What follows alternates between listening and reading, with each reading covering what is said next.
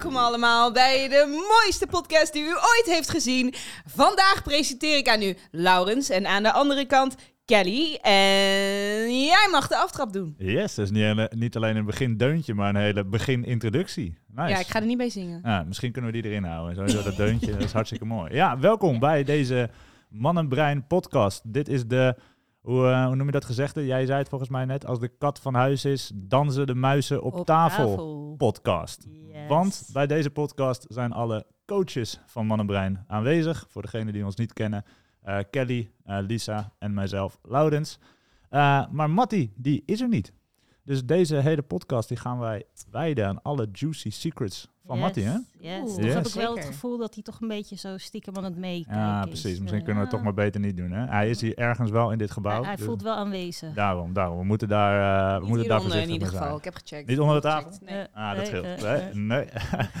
nee deze, eh deze Mannenbrein podcast nou, gaat dus inderdaad dus over de, eh, de coaches van eh Mannenbrein. En over een specifiek onderwerp. Hoe gaan wij als coaches om met onze eigen triggers en patronen in ons liefdesleven en zelfontwikkeling, waar wij zelf mee bezig zijn. Want ehm, ik weet niet of jullie dat ook eh, wel, eens, wel eens horen, maar zodra je tegen mensen vertelt van, oh ja, eh, je bent datingcoach of je helpt mensen eh, in de liefde met zelfontwikkeling, dat ze er dan vaak van uitgaan dat het bij jou ook allemaal hartstikke goed gaat. En oh, heb, die, die vraag krijg ik dan ook wel eens. Oh, maar dan heb jij ook wel een relatie. En op dit moment is dat niet het geval. Zeg, ik, nee, op dit moment is dat niet het geval. En dan is het gelijk, oh, hé, maar je bent toch datingcoach? Ja. Terwijl uiteindelijk, ja, wij coachen mensen in de liefde. We coachen mensen eh, met hun eigen waarde en zelfvertrouwen. Maar het zijn allemaal eh, ja, onderwerpen waar wij als mensen zelf, omdat we, we zijn en blijven ook maar mensen, natuurlijk ook tegenaan lopen. En dus, eh, nou, dat leek ons een heel interessant onderwerp om daar eens over te praten. Van waar lopen we zo al tegenaan en hoe gaan we daar zelf eh, mee om?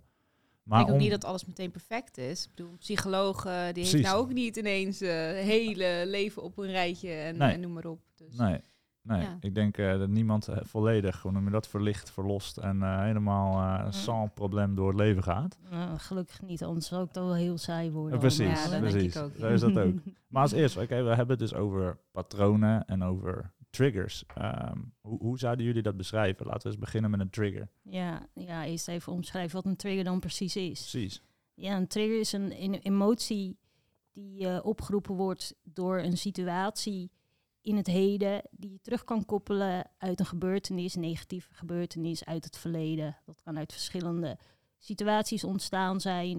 Je kan het eigenlijk ook wel terugkoppelen aan de drie pijlers, wat wij noemen eh, bij mannenbrein. Dus ehm oude-kinddynamiek, de ehm, relaties in het verleden of andere negatieve gebeurtenissen. Klopt.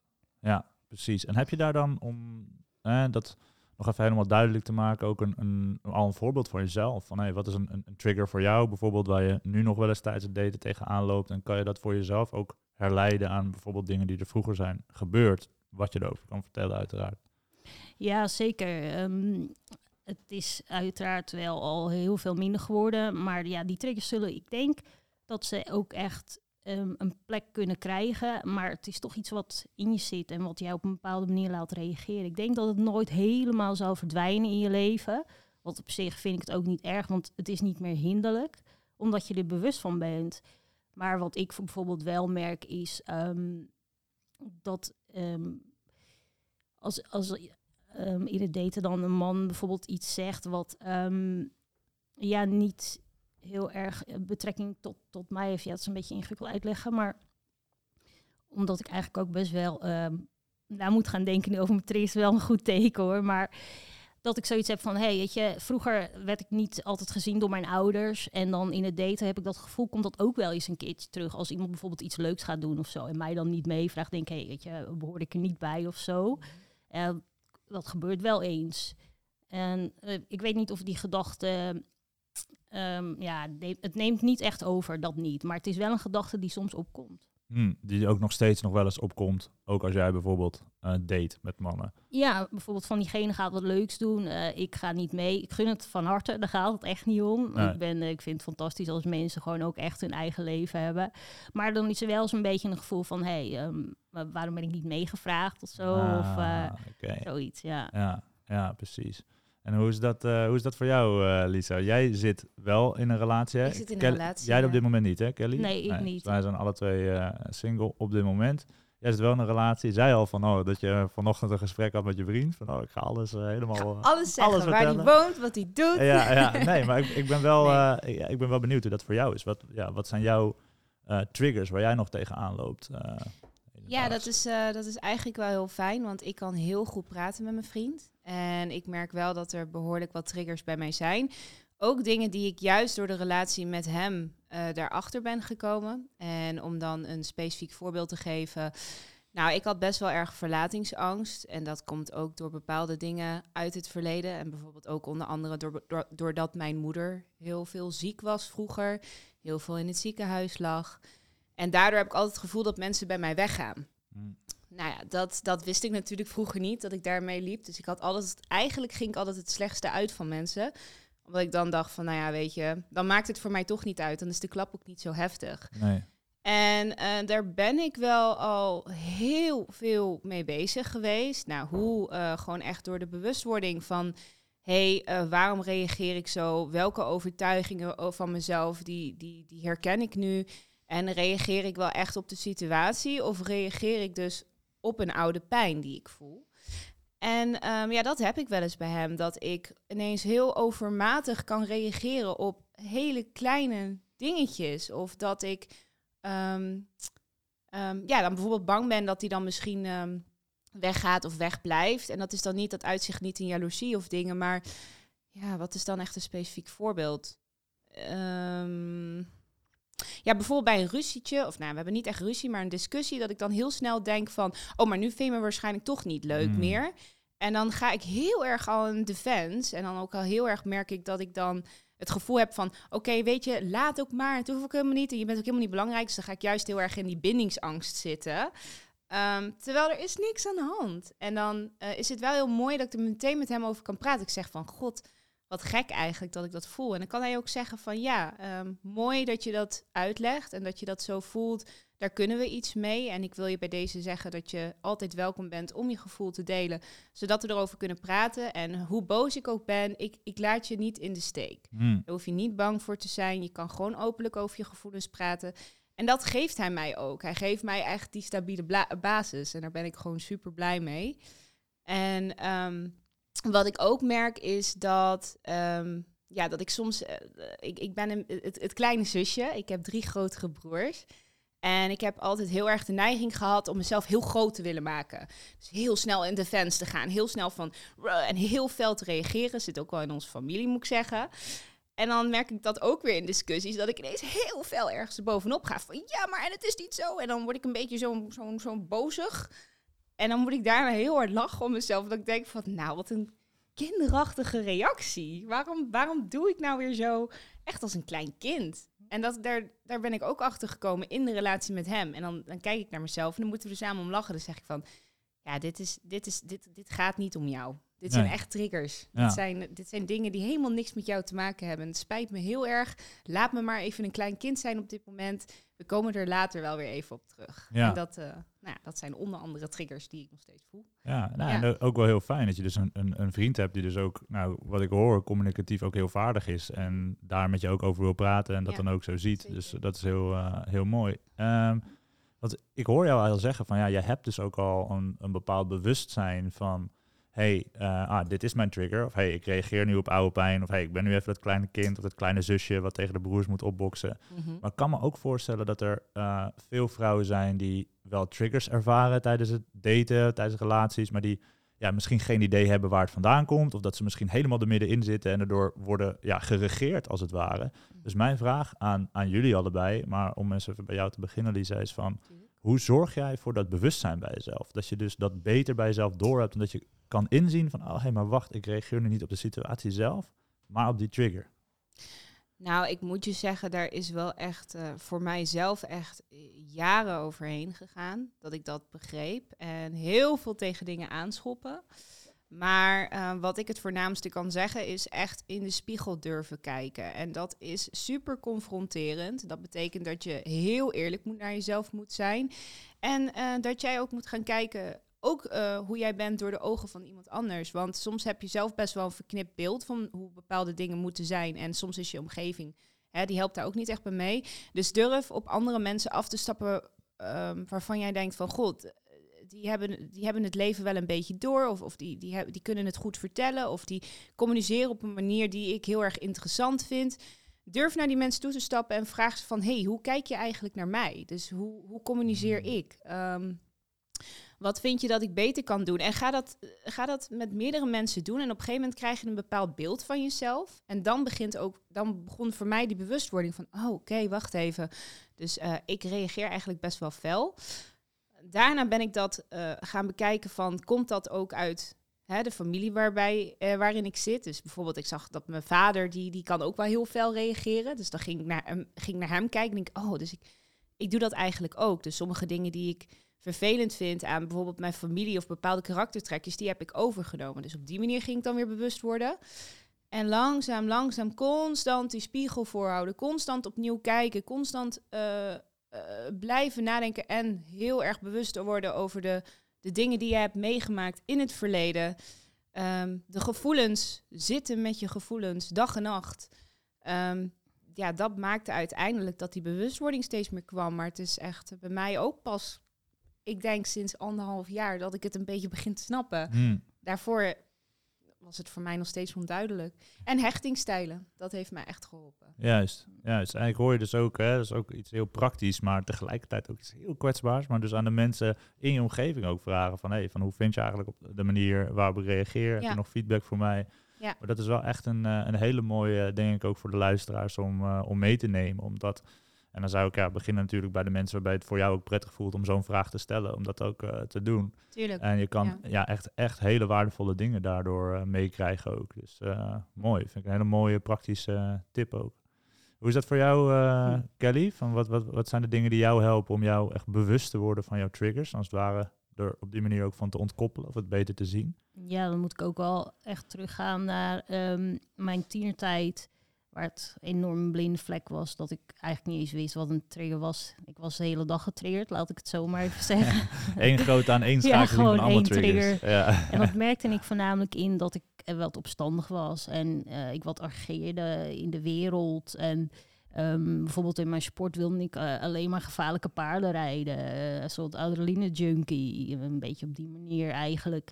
Ehm, het, het omgaan met mijn triggers. Dus ja, gegeven moment word je wat ouder. Ga je inderdaad, krijg je wat meer zelfreflectie. En als je dan een paar keer een flinke boete krijgt, denk je ook van... Ja, verdorie, waarom doe ik dat dan? hè? Zo'n bekeuring met de auto omdat je weer te hard hebt gereden.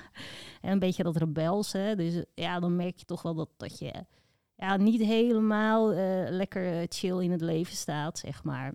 Overigens heb ik nooit hele gekke dingen gedaan hoor. Ik Zegt ze nu. ben geen crimineel of zo. Maar, Iedereen die nu luistert en andere dingen Ja, weet. eh, ja, dus- Voor het geval iemand van de Ja. politie meeluistert, Ja, Kelly maar- is gewoon... eh, ja, ja. Ge- geen achternaam noemen. Of zo. nee, nee, precies. Een heilig boontje, die ja, Kelly. Ja, ja. Ja, ja, super, super, super netjes. Ja. maar in ieder geval gewoon wel wat rebelsig. En dan word je ouder, krijg je meer zelfreflectie. Inderdaad, kijk je meer naar de wereld om je heen.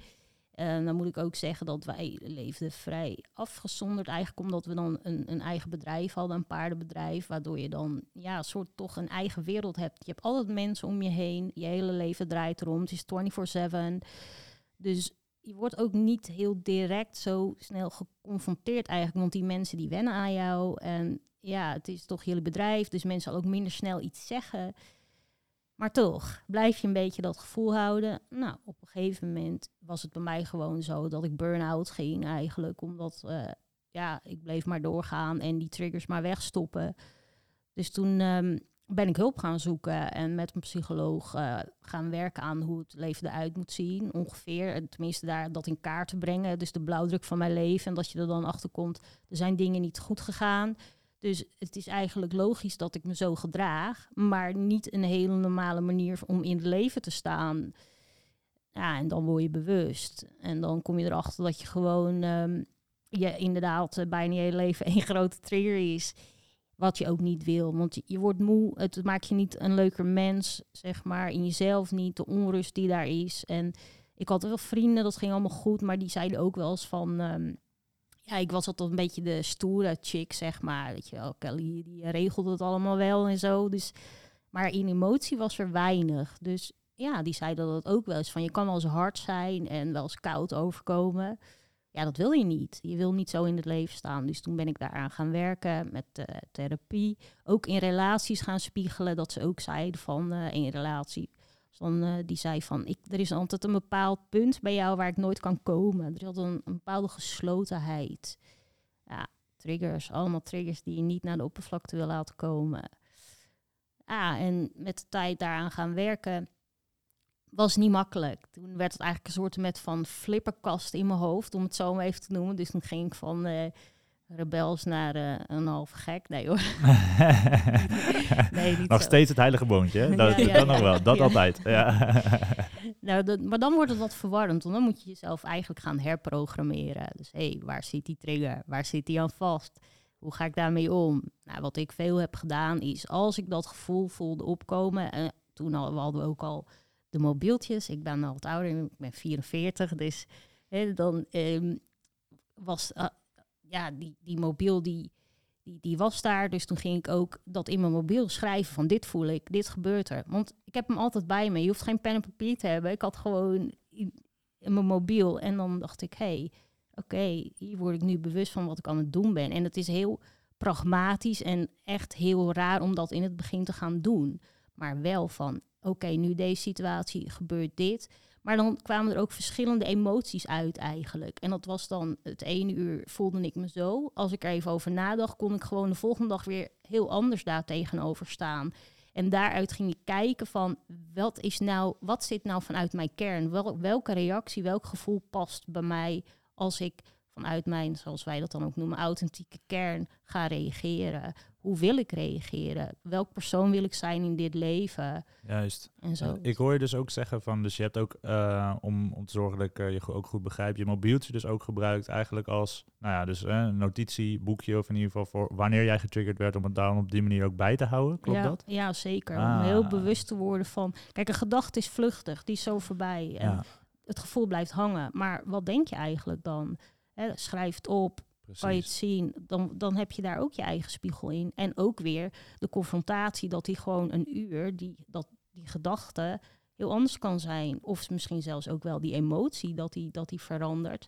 En daaruit kan je dan zien, hey, dit gebeurt er eigenlijk allemaal met mij. En, en waarom is dat? En inderdaad, zoals ik zeg, hoe wil ik zelf in het leven gaan staan?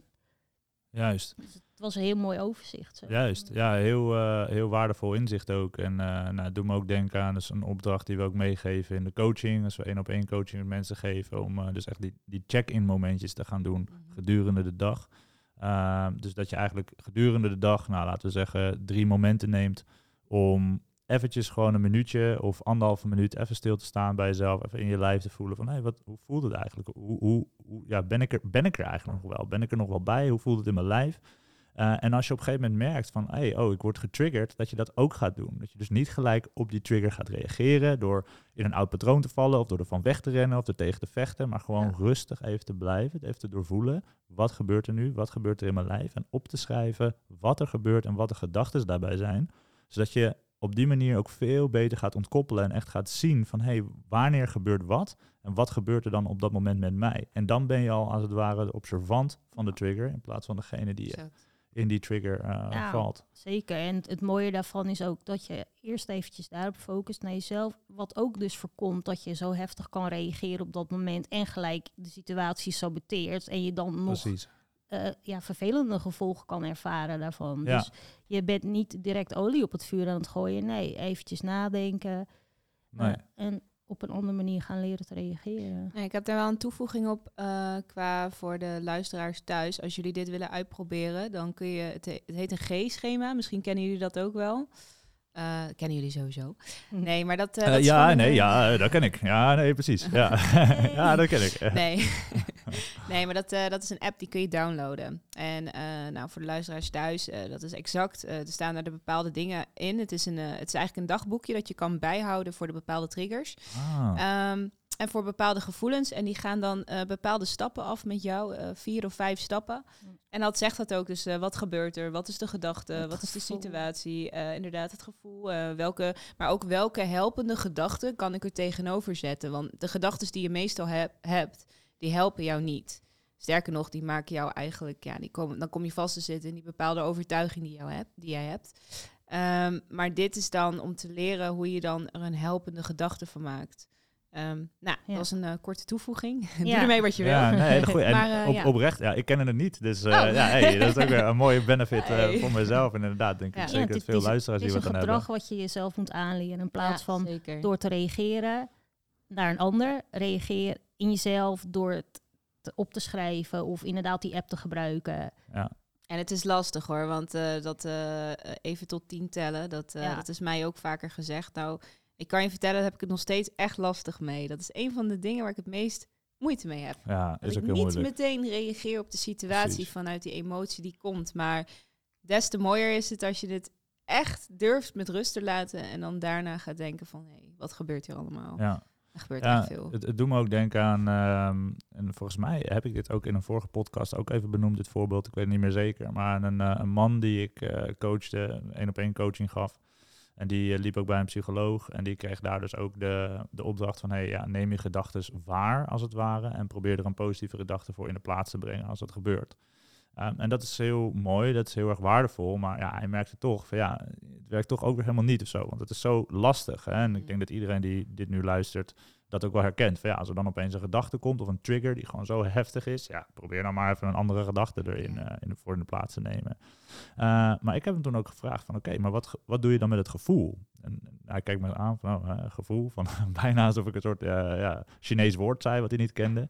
Maar ik zei van ja, kijk, als je wordt getriggerd, is het ook super belangrijk om dus even rustig adem te halen, naar je lichaam te gaan en rustig te doorvoelen wat er gebeurt. En dat kan heel lastig zijn. Laten we bijvoorbeeld een voorbeeld nemen, dat misschien voor veel luisteraars wel bekend is. Je bent met een man aan het appen, het is allemaal leuk en opeens reageert hij niet meer. En opeens krijg je geen antwoord meer of hij lijkt een soort van afstand te nemen. Ja, dan wat er, het kan zomaar zijn dat er van alles eh, in je lijf gebeurt. Van ah shit, ja, ik wil toch dingen gaan sturen. Of wat moet ik nou doen? Of misschien gelijk je vriendinnen erbij betrekken. Van help, wat, wat, wat gebeurt er? Terwijl op dat moment even rustig zitten, rustig ademhalen, rustig doorvoelen wat er in je lichaam gebeurt. eh, sowieso een hele goede manier is om dat soort gevoelens te verwerken, maar ook dus om het beter te herkennen. En vanuit die ruimte die er daardoor ontstaat, kan je veel makkelijker je, ge- je gedachten richten op iets anders. Van ja, iets wat, wat positief bekrachtigend is voor jou. Van hey, van eh, uiteindelijk deze man, ja, oké, het is ook weer niet zo belangrijk. Weet je, ik kan ook dingen voor mezelf nu gaan doen die mij energie geven. Eh, of eventjes naar buiten gaan of whatsoever. Maar het is heel belangrijk om dus ook dat punt te, pakken van even zitten bij gevoelens. Rustig daar doorheen gaan voordat je gelijk, boem, oh ja, gedachten veranderen. Dat wil gaan doen. Dat kan nog best lastig zijn. Ja, en, en, en wat, ik, ehm, wat mij ook heeft geholpen, als we het dan eventjes hebben over de eh, wat opvliegendere karakters. Ik wil niet eens zeggen dat ik ineens eh knettergek ben hoor. ik, Nee, ik, maar ik merk- ik, ik- zit eh, hier met twee niet-gekken aan op, tafel. Ze zijn alle, ja, alle twee volkomen normaal. Ja. Ja, ja, ja. Anders dan Nee, krijgt hij straks wel weer te horen. Oh shit, ja precies. Nee, maar ehm, wat mij ook eh, heeft geholpen is dat je, je wil op dat moment van alles zeggen. En dat, dat, dat, dat zit ook heel erg in je systeem, want je wil voor jezelf opkomen. Nou, ik denk dat eh, andere mensen dat eh, thuis ook wel zullen herkennen. Is dat je op dat moment, je mag wel wat zeggen, maar probeer het zo opbouwend mogelijk te doen. Nou, in het begin denk je echt, waar ben ik mee bezig? Ik heb hier helemaal geen zin in.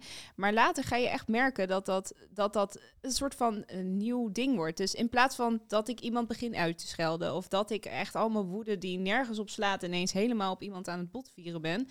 eh, ga ik nu ineens denken van... Nee, ehm, wat gebeurt er met mij? En dan is dat ook hetgene wat ik zeg, precies op dat moment in het hier en nu en dat benoem ik. En dan zeg ik dus gewoon: Oké, je maakt me nu gewoon echt even boos. eh, omdat ik me op dit moment even niet prettig voel. Ik kan je nu niet benoemen wat dat precies is. Dus laat me op een ander moment terugkomen. Maar ik wil je in ieder geval laten weten dat ik even boos ben. Hm. En dat is al genoeg. Dus ik hoef niet mensen te gaan uitschelden. Ik hoef geen rare dingen te doen. Ik hoef niet boos te worden. Dat is al genoeg. Want dan geef ik mijn gevoel al de ruimte om uitgesproken te worden. En that's all. Maar ik ben geen dingen kapot aan het maken die niet nodig zijn. Nee.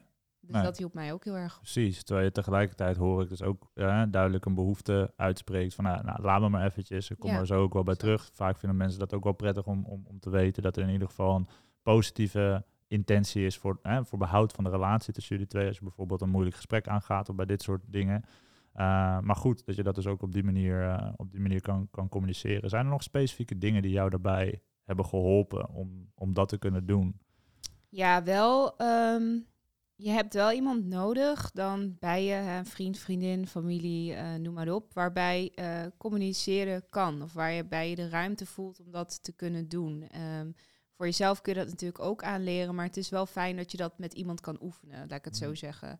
En ja, dat zeggen we dan allemaal wel, maar communicatie is echt key. Dus leer anders communiceren. eh, voor jezelf, voor de ander. Kijk wat prettig werkt. Ja, het is echt dingen uitproberen eigenlijk. Ja, En dus ook hoor ik je zeggen, heel erg dus aan het begin ja, oefenen met mensen die dus heel dicht bij je staan. Misschien ook oefenen met wat meer kleinere dingen. Weet je? Dus Zeker, het is natuurlijk ja. lastig om gelijk als je helemaal wordt overgenomen door woede, om dat goed uit te kunnen spreken. Maar misschien bij kleine irritaties of dingen die in de weg zitten, waar, waar we normaal gesproken misschien van zouden denken van nou, laat me zitten, dit ga ik niet bespreken of ik houd het wel voor me of zo. Maar dat dan toch heel rustig op die manier al proberen en kijken hoe dat gaat. Ja je moet ehm, eh, op die momenten eh, een beetje een helikopterview eh erin houden. Dus je gaat naast, naast die hele situatie staan en je bent met jezelf bezig. Dus wat wil ik overbrengen? Dus echt heel praktisch nadenken van oké, wat is de boodschap die ik over wil brengen? Maakt niet uit wat die boodschap is. Al is dat zeggen dat je op dat moment boos bent. Dat maakt even niet uit. Maar ook hoe komt dat op die andere persoon over? En welke triggers kan dat bij die andere persoon oproepen? En tegelijkertijd dan ook weten dat wat je op dat moment ook zegt, dat dat ook ja, iets doet met die andere persoon. Dus ja, ehm, ik denk dan, klinkt heel gek, maar die situatie op dat moment ook iets minder serieus nemen. Of in ieder geval iets minder persoonlijk nemen. Je moet er gewoon eh, heel bewust van zijn dat je met twee persoonlijkheden te maken he- eh, hebt, die alle twee een voorgeschiedenis hebben. Mm, ja. Ehm, en dan wordt het gewoon echt, ik zie het gewoon bijna als een kunst om eh, de communicatie op zo'n manier goed te krijgen dat je toch je boodschap eh, daar krijgt en dat je er alle twee een soort van baat bij hebt.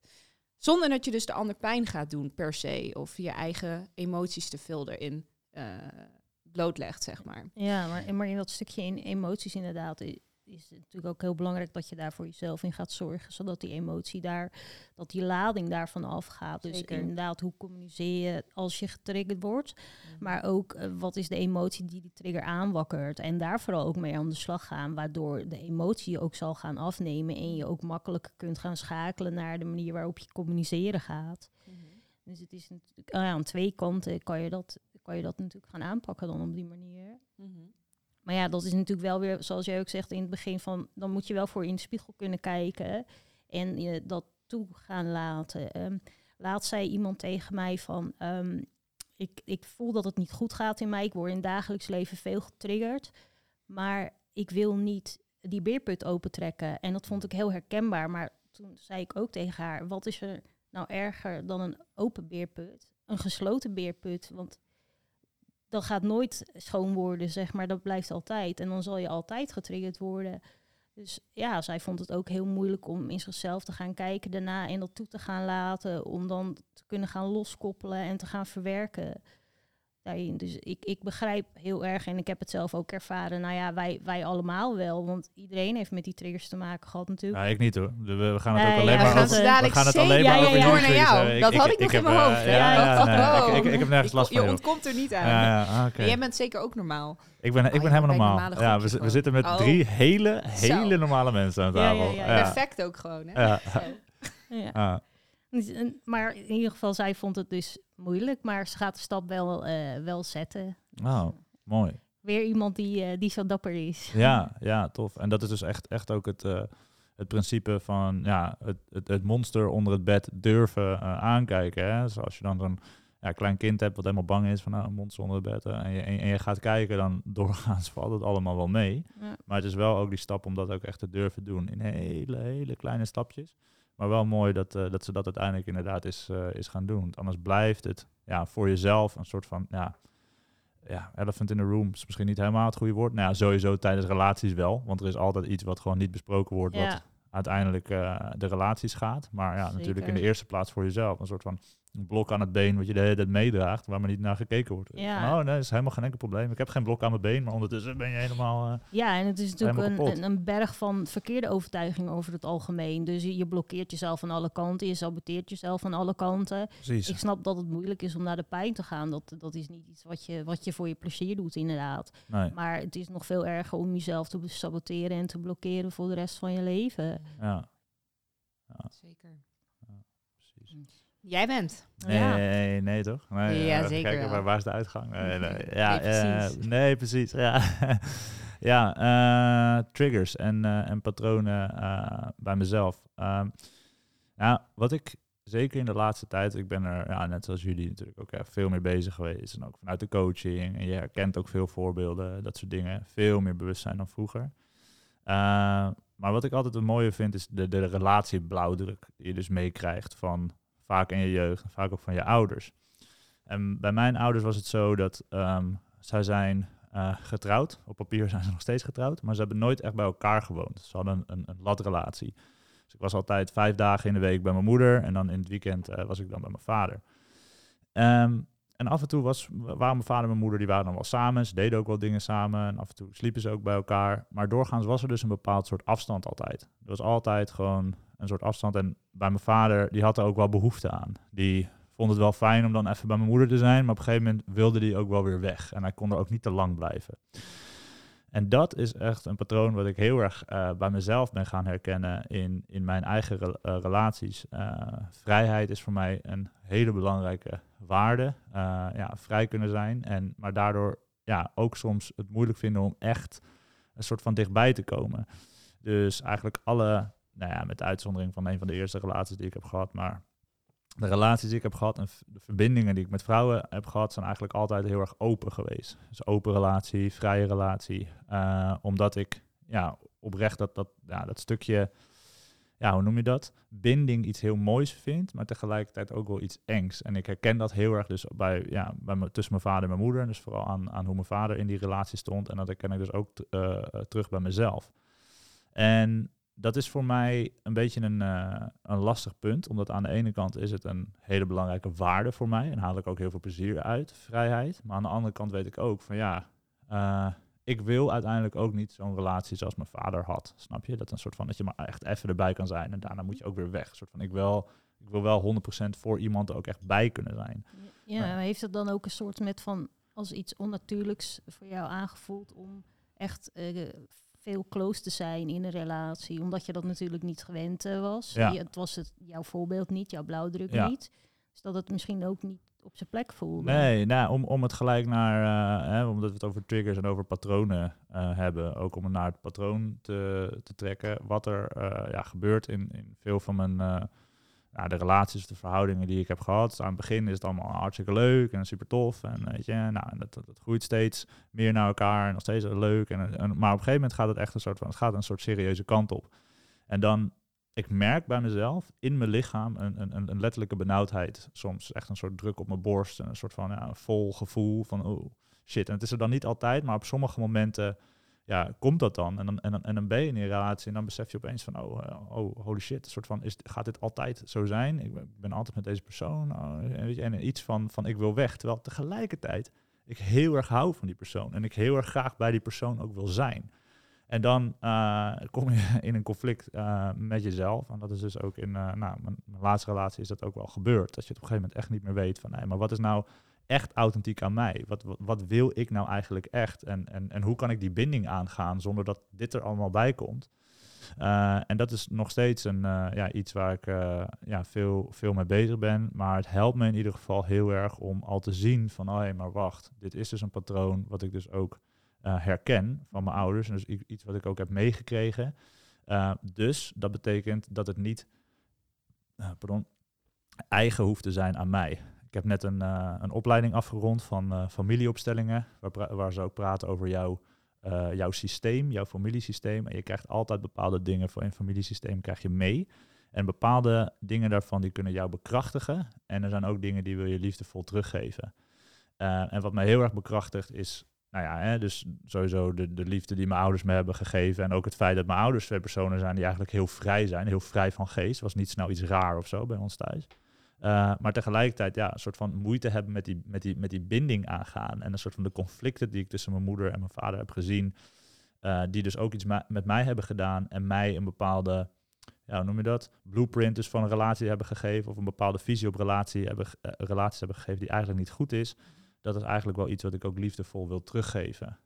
dus ook om dat naar de luisteraars te trekken van, nou, hoe kan je dat voor jezelf ook praktisch maken? Je kan kijken van, hé, hey, nou, wat zijn de waarden, de overtuigingen uh, die ik vanuit thuis heb meegekregen? En, en wat van dat bekrachtigt mij nu nog steeds? Weet je, misschien heb je bijvoorbeeld een, een ouder gehad die hard werken heel erg belangrijk vond. En die dat ook aan jou heeft meegegeven. En dat, dat, dat je daardoor ook misschien erg succesvol bent geworden. Of een hele goede baan hebt. Nou, dat is hartstikke mooi. Dus dat kan jou bekrachtigen.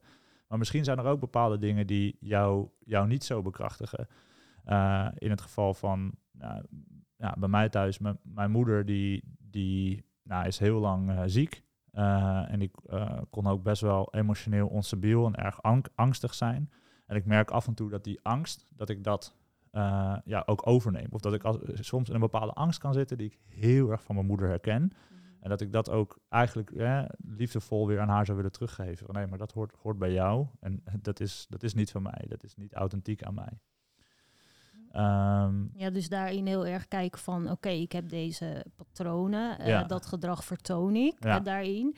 Maar het hoeft niet alles hoeft daar negatief van te zijn. Dan kan ik mooie dingen uithalen. Absoluut, maar absoluut. de dingen die mij daarin dus inderdaad saboteren of in laten overwerken of naar doen voelen, die wil ik lozen. Ja, precies. precies. Die, wil, die wil ik dus, uh, dus liever gewoon daar laten. En uh, nou, je kan dat heel erg mooi, hè, want, want dan is de vraag van oké, okay, maar hoe doe je dat dan, dan precies? Nou, sowieso al bewustwording van hé, hey, dit zijn dingen die komen niet van mij, maar die komen uit mijn systeem of dingen die ik heb meegekregen.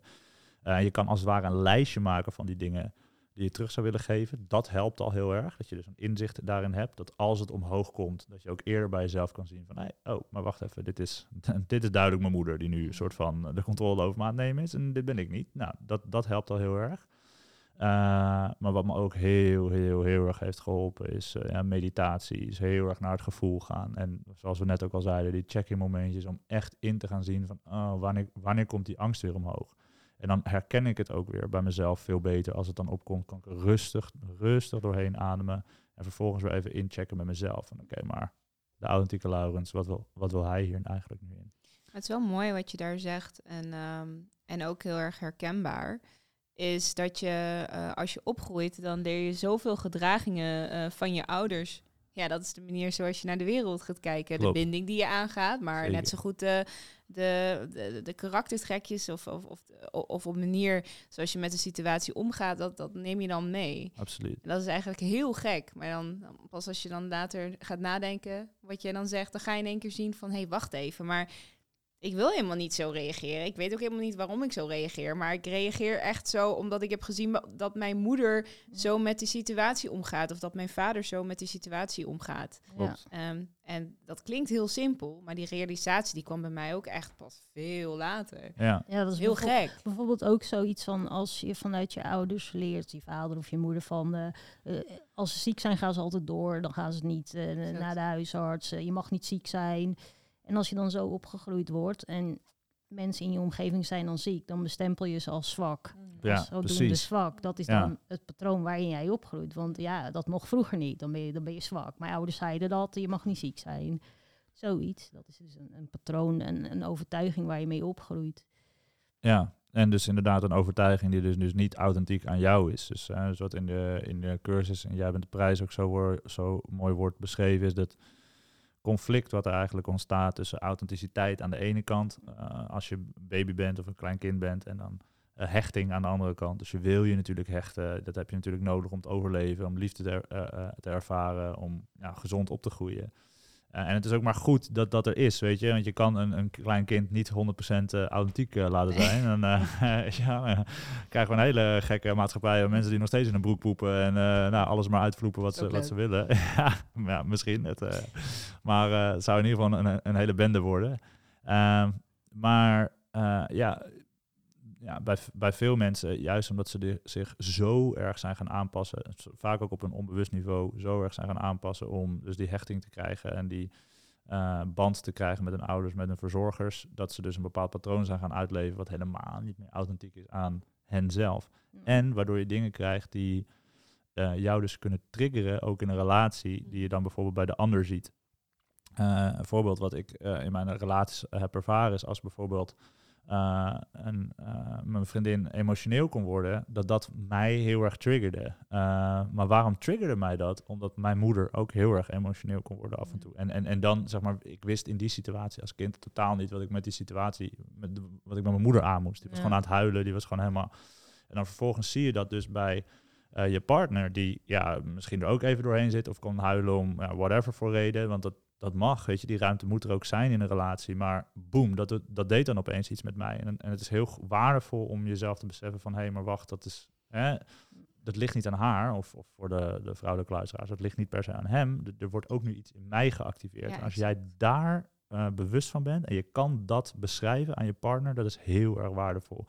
Van hé, hey, ik merk als jij eh, ja, zo, zo emotioneel wordt, daar, hè, daar kan jij misschien niks aan doen. Of jij hebt daar op dat moment je reden voor. Maar bij mij triggert het iets, een, Mhm. een oude pijn van vroeger. En ik weet daarom niet zo goed wat ik hiermee moet doen. En als je dan ook nog eens een keer iemand hebt die ook met haar eigen of met zijn eigen patroon aan de slag gaat. Hè, dus zoals jij ook al beschreef, iemand die communicatief heel erg vaardig is en daar met jou over kan praten. Ja, Dan komt er vaak hele mooie groei van. Heel, eh, Nou, Ja. want dan kun je elkaar ook zo mooi... eh, mooi aanvoelen inderdaad. En wat, wat het mooie ook daar weer uit is dat als jij met eh, empathie dan naar diegene toe kunt reageren, omdat je zelf niet zo getriggerd wordt, voelt diegene zich ook weer gehoord en gezien. En precies. wat natuurlijk ook weer heel mooi is. eh, je wordt niet afgewezen. Nee, Wat en- heel vaak wel gebeurt. dan bouw je elkaar op in plaats van dat je elkaar afbreekt. Mhm. Juist, juist, juist. Ja, ja, ik, ja, ik had ook echt, eh, ik had ooit een, een realisatie en, en door hetgeen wat ik met familieopstellingen gedaan, is dat echt alleen maar bevestigd. Maar dat ja, mensen eigenlijk als het ware gewoon een hele grote ja, kaart achter zich hebben van allemaal ja, patronen die zij een soort van hebben geleerd of hebben, ehm, eh, hoe noem je dat? Hebben toegepast in hun leven, al dan niet onbewust, omdat ze gewoon niet beter weten. En een soort van, het lijkt wel alsof die hele kaart een soort van aandrijving is van dingen die jij doet en hoe jij in het leven bent. En als je dat kan zien bij mensen, als je dat ten eerste kan zien bij jezelf, van oh hé, maar wacht, ik heb ook zo'n kaart, ik heb ook die patronen. En je kan het daardoor ook beter bij anderen gaan zien. Dan kan je met veel meer zachtheid en, en, en liefde en compassie naar een bepaalde situatie kijken. En dus ook naar je partner kijken. Ja. En vooral naar je eigen patronen kijken. Ja, en dat is natuurlijk ook wat wij grotendeels ook hier met deze podcast willen meegeven, is dat ondanks wij zijn dan coaches, dating- en relatiecoaches, maar ook wij hebben onze triggers. Precies. En ook aangeven daarin dat geen relatie perfect is. Nee, zijn, Nee. We hebben allemaal dingen, ehm, maar het gaat vooral om hoe ga je daarmee om. Klopt. Eh, en streef niet naar perfectie, maar streef naar groei en, en inzichten. En ja, kijk gewoon naar jezelf inderdaad, wat, wat daarin is. En weet je, wij zijn niet om te oordelen over hoe een ander zijn relatie eh, moet doen. Wij zijn er om de mensen te helpen die telkens tegen de dingen aanlopen of vastlopen in hun relatie. Of die misschien niet vaardig zijn in het, in het daten of in het flirten of, of Juist. dat soort dingen. Wij zijn niet ideale mensen met ideale situaties. Nee, Maar daar wil ik ook aan toevoegen, is dat mensen... Want dat jij wel de ideale situatie Ja. bent. Ik, ja, ja. echt Ja, Lisa die heeft geen problemen. 100% normaal. Ja. Nee. nee. Nee, Oké, sorry. Lies, ga verder. Wat wil je zeggen? Wat ik eraan wil toevoegen is dat, ehm, dat ik dat ook heel vaak terugkrijg. Is dat mensen dan zeggen van... Oh, maar er komen dus alleen maar mensen met eh, hele grote problemen bij jullie. Wat gek. En dan zeg ik... Nou, ik mag heel eerlijk zijn. Ik denk dat de hele wereld er baat aan heeft om bij ons te komen, of bij een Ja. therapie te komen, of bij een psycholoog Ja. te komen. Want iedereen heeft problemen. Dus het is niet zo dat wanneer je echt heel erg in het zwarte zit, dat je dan pas maar hulp moet Nee, gaan dat, zoek- en dat is zoeken. precies weer zo'n hele mooie oude overtuiging. Je Ja. gaat hulp zoeken Wanneer je echt in de problemen wanneer je zit. helemaal koekoek bent. Pas dan waar. ga je en Ja. niet van, hé, hey, weet je, misschien kan ik gewoon mijn mooiste leven gaan leven door eens wat eh, informatie op te doen hoe het nou allemaal werkt in de liefde. En ik vind het ook jammer dat het ook nog steeds zo'n taboe ophangt. Ik ken ook eh, vrienden in mijn vriendenkring, nou die schop.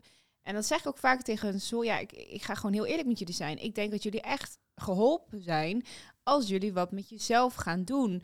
Maar dan is het ja, maar dat wil ik niet en dat heb ik niet nodig en ik wil het zelf doen en dat is alleen maar voor mensen die heel veel problemen hebben. Dan zeg ik, het is hetzelfde als naar de sportschool gaan. Uh, je wilt iets doen voor je lichaam om ervoor te zorgen dat het goed en fit blijft. Datzelfde, dat wil je ook voor je brein doen. Dat wil je ook voor je mentale welzijn doen. Want dat werkt allemaal samen. Dus als jij ervoor kiest om naar een psycholoog te gaan, dan is dat omdat je jezelf wil ontwikkelen als persoon en jezelf gunt om de beste versie van jezelf te zijn. Dat heeft niks te maken met zwak zijn. Sterker nog, het heeft alles te maken met moedig durven te zijn. Durven en naar jezelf durven te kijken. Absoluut. Dus het nee zeggen en ik wil het niet, dat zie ik juist Hè, om het dan zwart-wit te zeggen, dat zie ik dan juist eerder als zwakte. Want je bent gewoon niet moedig genoeg om op dat moment een stap te nemen die eigenlijk goed is voor je. Ja. Dus ja, dat uh, ja. wil ik even. Ja, ja, ja nou, zeker. zo, huppa. Zeker, nee, heel, heel, heel erg mooi gezegd. Het, het doet me ook... Uh, het doet me ook denken aan een, uh, een coaching sessie, groepscoaching sessie die ik ooit had samen met Matthijs en met uh, nou, een groep uh, dames destijds. En ja, eentje die, die had ook problemen ja, in, de, in de relatie en, en ze wilde ook alles zelf oplossen. En wij suggereerden ook van hé, hey, maar heb je mensen in je omgeving ook om hier bijvoorbeeld over te praten? Of misschien ook zelfs samen met de mensen waarmee je date er, erover te praten, weet je. Want we horen aan je, alles draag jij op je eigen schouders. Je moet het zelf maar gaan oplossen. Maar ja, weet je, het is niet alsof jij er 100% alleen voor staat. Zeg ze, ik kan goed. Zeg ze, nee, nee, nee, dat vind ik echt een zwaktebod. Dat vind ik echt een zwaktebod als je dat doet. En ja, waarop wij haar ook reminden van, hé, hey, maar wat is de reden waarom jij in dit programma zit? Dat is ook niet voor niets. Jij, jij bent hier uiteindelijk de, de coachie, degene die gecoacht wordt. En jij zit hier met een reden, omdat jij dus ook geholpen wil worden.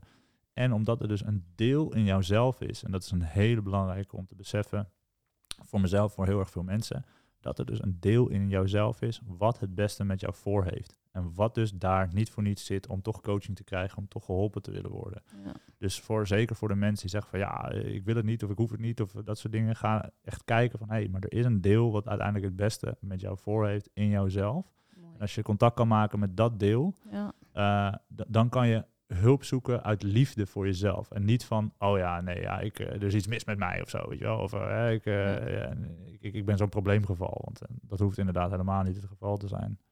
Ja, en, en wat ik daar ook weer wel mooi vind om mee te geven, is dan um, zelfreflectie. Blijf die houden. Hè? Ook als je bijvoorbeeld uh, overtuigingen waar je mee zit. Zoals jij ook zegt, Lisa, van nou ja, ik heb dan ook wel eens vragen aan mensen van hoe ze tegen je aankijken. Maar blijf wel bij jezelf inchecken of dat ook bij je past. Want niet altijd de mening ja. van buitenaf is de waarheid. De overtuigingen die andere mensen met zich meedragen. Oude patronen waar ze zelf in zitten. Waar ze dus ook een beeld van op de wereld hebben. Dus blijf wel bij jezelf inchecken van... hé, hey, is dat mijn waarheid? Is dit bij mijn authentieke kern? En een heel simpel voorbeeld waar ik dan... Um, die ik dan kan noemen vanuit mezelf, is bijvoorbeeld, um, ik ben 44, ik ben uh, nooit getrouwd geweest, ik heb geen kinderen, maar vooral dat ze zeiden, ja, je bent nu 35, toen begon het al, hè, zal je niet eens een keer aan kinderen beginnen? En toen zei ik van, ja, nou ja, maar ik vind mijn leven niet zodanig dat daar kinderen in passen. Dat vind ik een gevolg van als ik een mooie, stabiele relatie heb. Ja. Maar dan zei ze, ja, dat vind ik egoïstisch dan, want dan wil je gewoon helemaal voor jezelf leven of zo. Maar toen nee, zei ik van... Zo gek? Zo ja, hard. maar toen zei ik ook, wat is nou egoïstisch? Dat Ja. ik een kindje wil, terwijl ik eigenlijk mijn hele leven nog niet echt op de rit heb en dat niet een hele mooie toekomst kan bieden, want dat is wat ik graag wil. Maar dat zijn dus opmerkingen, hè, toch uit... En op dat moment voelde ik me even rot, maar later dacht ik, ja, weet je, eigenlijk ligt dit bij jou en niet bij mij. Precies. Dus dat was haar overtuiging. Daar ga ik ook niet naar leven. Dus wees daarom ook gewoon heel bewust van... is dit waarheid wat iemand tegen mij zegt? Is dit mijn waarheid? Juist. Bij jezelf inchecken. Ja, het is een beetje het balans. Want eh, goed dat je het ook zegt, inderdaad. En dat je Ja. het benoemt. Ik bedoel ook inderdaad niet dat je dan helemaal daarna moet gaan leven. Maar het is vooral omdat Nee je, hoor. als je alleen maar, Nee, Nee, hoor. nee, als je alleen maar bij jezelf zit, dan, eh, dan Ja. is het soms heel lastig om je ogen open te doen. Omdat je zo vast zit in je eigen gedachten en, en in, in je eigen overtuigingen. Dat het echt eh, ook wel van meerwaarde kan hebben door juist naar de personen toe te lopen en te zeggen van... hé, hey, hoe kom ik over? Ja. Ehm, en dat is vooral goed. de vraag eh, om, om het dan eh, extra erbij te pakken van... niet van hoe voel jij dat ik denk wie ik ben of ga voor mij eventjes in kaart brengen wie ik ben, maar vooral welke gedragingen, en dat is meestal dan voor, eigenlijk voor iedereen wel Ja. hetzelfde. Welke gedragingen doe ik? En ehm, dan kun je wel zeggen, en wat, wat, wat, wat doet dat met jou? Ja, Dus zeker. Bijvoorbeeld, hè, eh, je reageert best wel fel, wat je hebt gezegd. Je reageert best wel koud. Ehm, dat zijn toch wel dingen die je graag wil horen. Want Zeker. zelf heb je dat vaak niet door. Ehm, Ja. en dat bedoel ik eigenlijk met eh, aan, je, aan je omgeving vragen van, van hoe, re- ja, hoe reageer ik? Ja, zeg maar. Zodat je ook ehm, kan reflecteren naar jezelf. Dan Exact. van, Zeker. klopt het beeld met wat ik van mezelf heb, ook naar de buitenwereld Exact. toe. Ja. Absoluut. Ja, dus begrijp je ook Dus, eh, zeker hoor, daarin inderdaad. En dan een vervolgstap is ook weer van, past dit eh, bij mijn authentieke kern? Wat ik bijvoorbeeld ook wel iets vind, is eh, bijvoorbeeld met voiceberichten. Sommige mensen willen dat niet, niet, niet inspreken, die willen zichzelf niet horen. Ehm, ik vind het, vond het ook heel gek om mezelf hier voor het eerst te zien zitten. Dan is toch met een kritische noot naar mezelf. Ik zie mezelf voor het eerst dan hoe ik echt, hoe, hoe klink, hoe ik me daarbij gedraag. Eigenlijk heb ik dat nooit echt zo gezien. Maar dan ga je ook kijken naar jezelf van, hey, ehm, past dit ben ik? Eh, voelt het ook dat ik echt zo ben, eigenlijk wat ik daar zie? En klopt het met elkaar? En waarom zou ik bijvoorbeeld kritisch zijn op mezelf als ik mijn eigen stem hoor? Waarom vinden mensen dat raar ook? Weet je, dat, dat ik denk dat het toch ook weer iets in jezelf ehm, aangeeft of weerlegt van dat het toch een, een stukje is in jezelf wat je niet wil accepteren. Tuurlijk kan het eventjes raar zijn om jezelf, tuurlijk doen we ook allemaal wel eens raar. Maar toch als dat iets is wat blijft hangen, hè, dan, dan, kijk, en dat doen we natuurlijk veel berichten met elkaar, ook voiceberichten. Het wordt, gaat steeds makkelijker als je het vaker doet, wordt het ook makkelijker, ga je eraan wennen. Maar toch is het altijd weer een mooi check-in moment om jezelf eens even terug te zien en inderdaad te reflecteren aan de mensen. En hoe denk je dan over jezelf en waarom denk je zo? Waar is dat op gebaseerd ook? Juist, Zeker. juist. Ja, het is inderdaad ook een hele goede in, om inderdaad om altijd even bij jezelf in te checken van oké, wat er ook wordt gezegd, hoe eh, resoneert het ook bij mij en daar ook eerlijk naar te kunnen kijken. En ook inderdaad in de, de vorm van hulp die je zoekt, om daar ook echt rustig in te blijven zoeken om te kijken wat, wat klikt. Want niet iedere coach of niet iedere therapeut, psycholoog gaat jou verder helpen. Snap je? Dat is ook gewoon, niet iedereen biedt de juiste methode aan. Niet iedereen kan het even goed mee vinden. En het is gewoon heel zonde als dan iemand dan toch die stap zet om hulp te zoeken en dan ja, bij een psycholoog komt, ja, het heeft me niet echt geholpen. En eh, nou, dan laat het maar ook. Ja, nee, er zijn zoveel verschillende manieren Ja. van hulp. Mhm. Ik zeg dat ook eh, in de persoonlijke coaching met mensen. Ik raad ook andere vormen van therapie aan. Ja. Gewoon als er assisterende dingen zijn die, die mensen kunnen helpen, dan eh, ja, doe dat ook vooral. Maar Ja. kijk wat bij je past. En ik vond het ook mooi. En, en ook van voel je dan niet ehm, nog vervelender als de therapie niet heeft geholpen? Want Precies. het hoeft niet aan jou te liggen. Nee, Het betekent dat je gewoon niet de juiste therapie hebt gehad. Want Precies. er zijn absoluut altijd stappen te maken. Ja, nee, en ik vond, ik vond het eh, mooi ook wat je zei, eh, Kelly, over ehm, eh, van ja, van hè, het is, het, is, het is niet alsof wij als coaches een soort van, nou, ik, ik parafraseer je dan ietsje anders, maar een soort van de, de waarheid in pacht hebben. Of dat wij Ja. een soort van degene zijn die jou overal soort van 100% doorheen eh, kunnen loodsen. En dat wij het allemaal zo goed weten. Want inderdaad, ten eerste hebben wij ook onze eigen patronen, dingen waar we nog mee werken. En het was ook mooi, want ik had, eh, ik had hier een gesprek eh, met iemand laatst over, over hè, wat, wat maakt nou een goede coach of een goede hulpverlener. En ik vond dat hij het wel mooi zei. Hij zei van ja, slechte, tussen aanhalingstekens, hulpverleners, dat zijn mensen die, die denken het allemaal wat te weten. Die, die hebben iets geleerd en die, die gaan dat een soort van op jou toepassen en eh, zij weten het allemaal wel en eh, ja, het komt allemaal wel goed. Terwijl een goede hulpverlener is eigenlijk iemand die bezig is met aan zichzelf werken, die zelf een bepaald pad bewandelt en als het ware mensen ook uitnodigt om zeg maar dat pad mee te bewandelen en zijn eigen of zijn of haar eigen inzichten en tips en zo daar ook in mee kan geven. En uiteraard, weet je, ik bedoel allemaal, wij alle drie, we zijn eh, nou, gespecialiseerd in coaching, in daterelaties. Wij weten natuurlijk heel veel praktijkvoorbeelden eh, van praktische dingen die je kan doen, tot bepaalde meditaties, visualisaties, afkomen van patronen, tot gewoon flirttips. Natuurlijk zijn wij daarin gespecialiseerd, maar dan alsnog blijft het voor ons ook altijd een reis waarin we mensen meenemen en ook uitnodigen om, om, om mee te nemen. En ik denk dat je dan ook de allerbeste manier van hulp kan verlenen en dat het Ja. voor iemand anders ook prettig kan voelen, terwijl die ander ook de ruimte heeft van, nou, maar klikt het ook bij mij, resoneert het ook bij mij. Ja, Ja. Dat, dat, dat zeg ik ook vaak van, goh, kijk, we gaan... eh, eh, ik ben hier niet om je diagnosti te diagnosticeren. Ehm, ik Krijg ben het bijna echt- je strot niet uit, ga die- die- die diagnosticeren, nou, dat gaan we hier niet doen. vandaag wel meer mijn strot Ja, niet uit, volgens eh. mij. Maar dat maakt niet uit, jongens. Ik hoop dat jullie het nog steeds fijn vinden om naar mij te luisteren. je, je doet het hartstikke goed. Ja, ja, ja.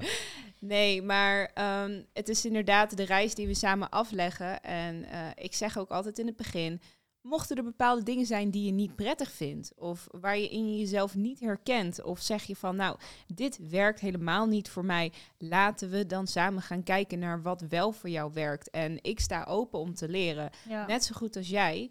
En als jij zegt van, nou, eh, hè, eh, bepaalde andere dingen die wil ik uitproberen, want eh, eh, die vind ik interessant, vind ik niet erg. Ik ga erover opzoeken. Ik ga, ik ga er met jou samen naar kijken. En eh, misschien leer ik dan ook wel weer iets heel Ja, tofs wat ik andere mensen Precies. weer kan meegeven. Dus Ja.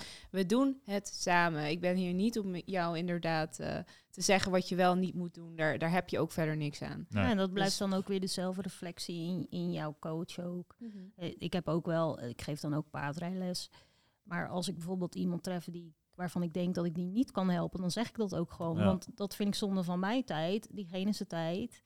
Want daar gaan we gewoon niet Zonde ver- van de tijd van de paard ook. Ja, wel, Ja. ja. die, die eten liever eh, wat, eh, wat lekker wat hooi dan op stal. Weet Ja. je? Maar, Inderdaad. maar ja, blij, dus op die manier is het natuurlijk ook belangrijk om inderdaad als coach te blijven leren. En wat ik zelf dan ook altijd doe aan het eind van de sessie van hoe, wat vond je er zelf van? Hoe vaarde je dat? Juist. En heb je ook van, eh, vo- vond je iets onprettig? Want ik wil het graag weten. Want het maakt mij geen slechte coach. Het maakt mij dat ik open sta om meer dingen te gaan leren. Waardoor ik juist nog meer de mensen kan gaan helpen. En eh, mijn, wat ik weet is niet altijd eh, de waarheid. We weten veel. We hebben veel ervaring. Ik deed al zoveel jaar. Dus ik weet zoveel erover.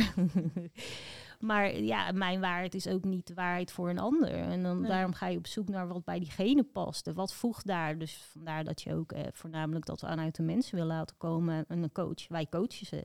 Zeker. We sturen ze een richting op en we helpen ze hun eigen richting te vinden, laat ik het zo zeggen. Dat is uiteindelijk ook wat een, wat een coach doet, inderdaad. In plaats van dicteren waar het naartoe moet, assisteren, helpen. Ja. Maar dat is toch ook in het, in het echte leven? Sowieso. Ik bedoel, je- eh, ja, mijn beste vriend, eh, eh, die kwam dan wel eens naar mij. En, eh, en toen dacht ik, hé, hey, dat is ook best wel interessant. Die vond, het, die vond het lastig, want die wil altijd adviseren. Nou, in een coaching rol willen we denk ik ook allemaal wel heel erg adviseren. Maar ik denk dat de belangrijkste vraag is, wat heb je nodig? En dat is eigenlijk in ieder gesprek en met iedereen die naar je toe komt, is dat heel waardevol om te vragen, maar wat eigenlijk niemand doet. Ja. Dus tegenwoordig als mensen naar mij toe komen, dan zeg ik eerst, oké, ehm, voordat we dit gaan doen, wat heb je van mij nodig? Wil je graag dat ik naar je luister? Wil je Hmm, graag dat ik echt advies geef aan je? ja. Wil je, wil je graag dat ik je, dat ik, dat ik je, dat ik je knuffel? Dat ik, je, dat, ik, dat, dat ik zeg dat ik je begrijp? Want iedereen heeft altijd iets anders nodig. En in plaats van dat we meteen in de adviserende rol, dat is ook voor mezelf heb ik gemerkt dat ik soms denk van, maar je, ik weet het ook allemaal, maar ik wil gewoon heel graag dat je naar me luistert. En dan is dat heel moeilijk om dat op dat moment te zeggen. En dan ga je heel erg irriteren. Dan denk je ook, nee, laat ook maar. Ik ga, het niet meer, ik ga er niet meer over praten, want je komt toch met allemaal dingen dat je het beter weet. Maar dat, dat is helemaal niet wat we altijd nodig hebben. Nee, Dus ja. precies. Nou, ook mooie, eh, mooie toevoegingen nog van jullie eh, beiden. Eh, gelet op de tijd, ehm, denk ik dat we zomaar eens moeten gaan afronden. Maar ik ben nog wel benieuwd of er nog een ja, ja, korte boodschap iets is wat jullie nog willen meegeven aan de hand van dit, van de Nou. triggers, patronen. En wat, ehm, wat Lisa nou eh, mooi zegt van, ja, wat heb je nodig dan? Inderdaad, de luisteraars, vraag bij jezelf af. Wat heb ik nodig? Waar loop ik tegenaan? Waar denk ik dat ik kan verbeteren? Heb ik de inzichten in mezelf? En dat wil helemaal niet zeggen dat ehm, als je die niet allemaal hebt, dat het niet goed gaat in je leven. Want je kan even goed gelukkig zijn. Maar er is, zijn natuurlijk altijd stappen te maken. En eh, op een hele mooie, positieve manier kan je daar juist naar kijken. Ja, en het, is, het kan ook zo, soms zo'n veel mooiere vraag zijn dan wat wil ik of wat moet ik bereiken of dat soort dingen. Dat zijn natuurlijk ook wel mooie vragen, maar er zit altijd een soort van, ah, Ja. ook weer een bepaald soort druk achter. Terwijl, wat heb ik nodig is echt een Ja. vraag wat, uit liefde voor jezelf. Wat kan ik mezelf geven in deze situatie wat me verder zou helpen? Ja, en ook bijvoorbeeld voel ik ook wat ik al heb bereikt. Ja, Mm, dat is ook eh, ze- zijn, ja, ja. Zeker, geen, eh, zeker geen onbelangrijk. Dan kan je inderdaad ook dankbaar zijn voor waar je al bent. En Ja. wat je, ja, ook een hele mooie. Mooi om nog mee te geven en eh, mee af te sluiten. Jij nog, Lies? Ik heb al eh, Ja, best je- wel dingen gezegd, Ja, je hebt je zeggen ik. gedaan. nou, Maar, zeker, mooie ehm, dingen gezegd ook. Mm, ik wil er nog wel aan toevoegen eh, voor jezelf. Ik, eh, ik heb dat ook als tip meegegeven aan een eh, andere vriend van mij. Kijk eens of je ook iets kan doen, juist ook met manifesteren. Want dat heeft mij de laatste tijd ook eh, geholpen. En dat is dat je dus eigenlijk een meditatie doet. ehm, eh, waarin je gaat nadenken dat je eigenlijk iets al hebt bereikt. En ehm, wat dat doet, is dat je daardoor ook steeds meer vertrouwen in jezelf krijgt. En dat hoef je, hoef je maar heel kort te doen. Het kan vijf minuutjes op je dag zijn. En het is, eh, ook- ik vind het ook helemaal niet zweverig of zo, waar sommige mensen bang voor zijn. Maar het is juist Het is eh, een mindset. in jezelf vertrouwen. Ja, Want heel weinig mensen die hebben dat vertrouwen of die durven eigenlijk niet meer echt te dromen. En eh, ik merk wel toen ik dat begon te doen, dat ik, eh, dat ik ook steeds meer dacht van, oh, maar dan komt het ook echt wel goed. En dan kom je meer in een positieve mindset. ja. Dus eh, dat is ook een tip die ik mooi, meegeven. mooi dat je dat ook zegt. En inderdaad, voor sommige mensen van manifesteren, visualiseren, kan soms ook een beetje een triggerend woord zijn. Dat ze denken, oh ja, dat is inderdaad een beetje zweverig.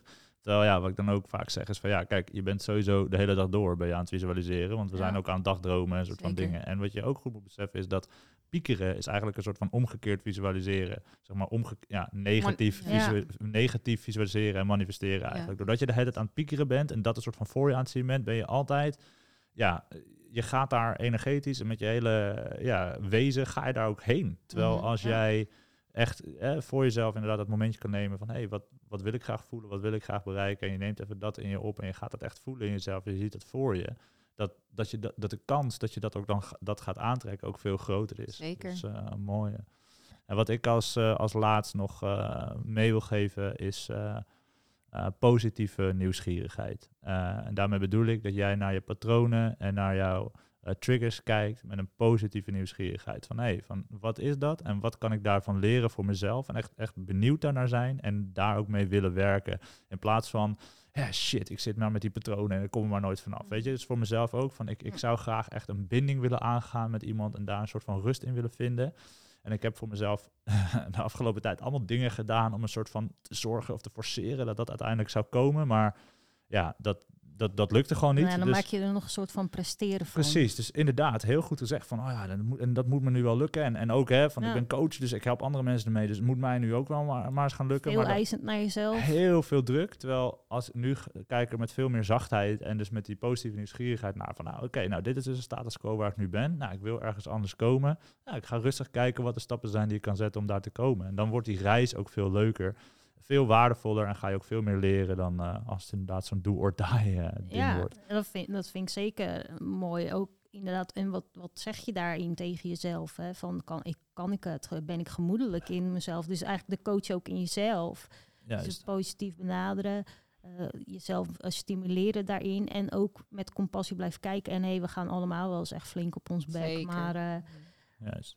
Just Maar dat hoort keep erbij, trying. Ja. Des te is mooier dat. is het uiteindelijk om dan iets te behalen. En dat behaal je niet door alleen maar successen. Nee, nee, zeker niet. nee. zo is dat. Hey, eh, nou, dit was de, als de muis van tafel. Nee, als de, als muis van de- tafel de is muis komen van de ta- katten. Ik vind ons wel eerder ook katten dan muizen, toch? Ik weet niet. Ja.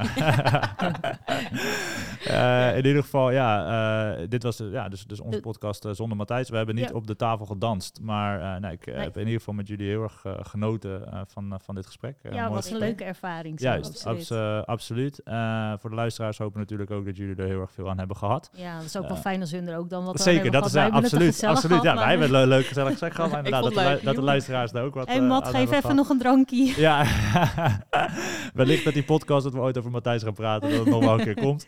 Eh, en dan, ja, mocht je deze podcast op, eh, op YouTube kijken, vergeet dan niet, eh, mocht je dat nog niet hebben ged- eh, gedaan, te liken en, eh, en te abonneren. Als je het Ja. op andere platforms eh, kijkt, nou uiteraard, hou dat natuurlijk ook goed in de gaten.